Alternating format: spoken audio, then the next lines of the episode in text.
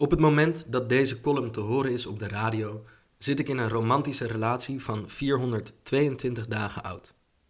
Dat zijn 60 weken, bijna 14 maanden en precies 1,15 jaar. Momenteel lig ik uitgestrekt op de bank u daarover te vertellen. En mocht u relatietherapeut zijn, dan is dat zuiver toeval.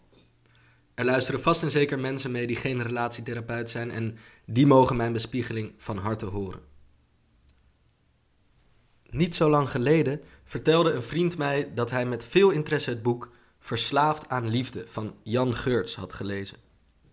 Het had hem een nieuw perspectief geboden dat hem bevrijdde van een zware last. Ik had nog nooit van het boek gehoord, dus eenmaal thuisgekomen zocht ik het op en las de flaptekst.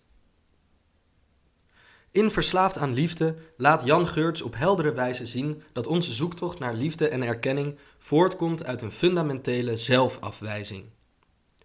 Die proberen we te compenseren met onze zoektocht naar waardering van anderen. Maar dat werkt averechts. Het maakt ons juist onzekerder en dus steeds afhankelijker.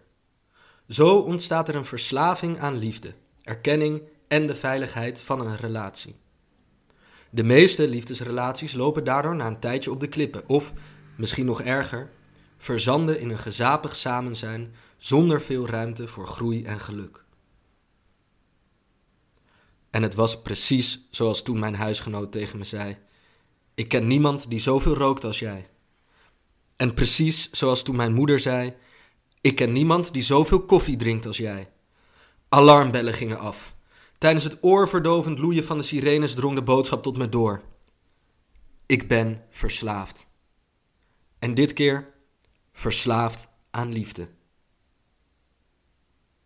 Waar ik al die tijd in de waan verkeerde een gelukkige romantische relatie te hebben, bleek ik domweg verslaafd aan liefde, erkenning en veiligheid.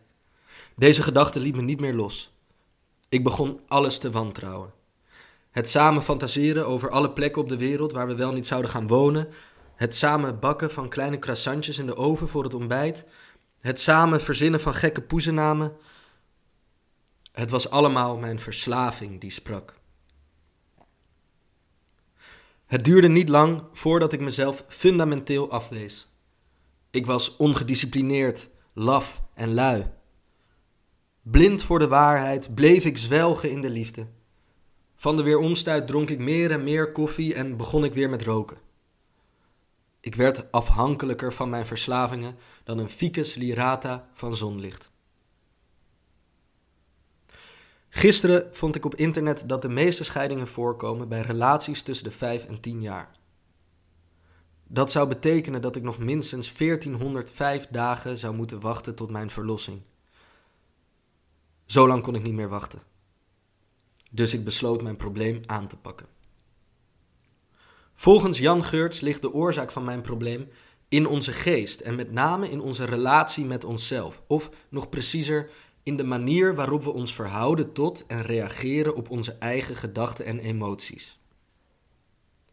Ik moest dus eerlijk zijn tegen mezelf en daarmee tegen mijn vriendin. Ik zei tegen haar: Mi amor, ik moet eerlijk tegen je zijn. Ik hou te veel van je. Dit kan zo niet langer. Ik hunker elke dag naar je liefde, erkenning en je veiligheid. Waarop zij zei: Maar lieverd, ik ook toch naar die van jou. Daarom houden we toch van elkaar. Mijn fundamentele zelfafwijzing verdween als sneeuw voor de zon en we hadden betere seks dan Jan Geurts me ooit kon beloven. En nu kan ik niet wachten tot dag 423 en 424 en 425 en, en ik blijf lekker koffie drinken en lekker roken. Lang leven de afhankelijkheid.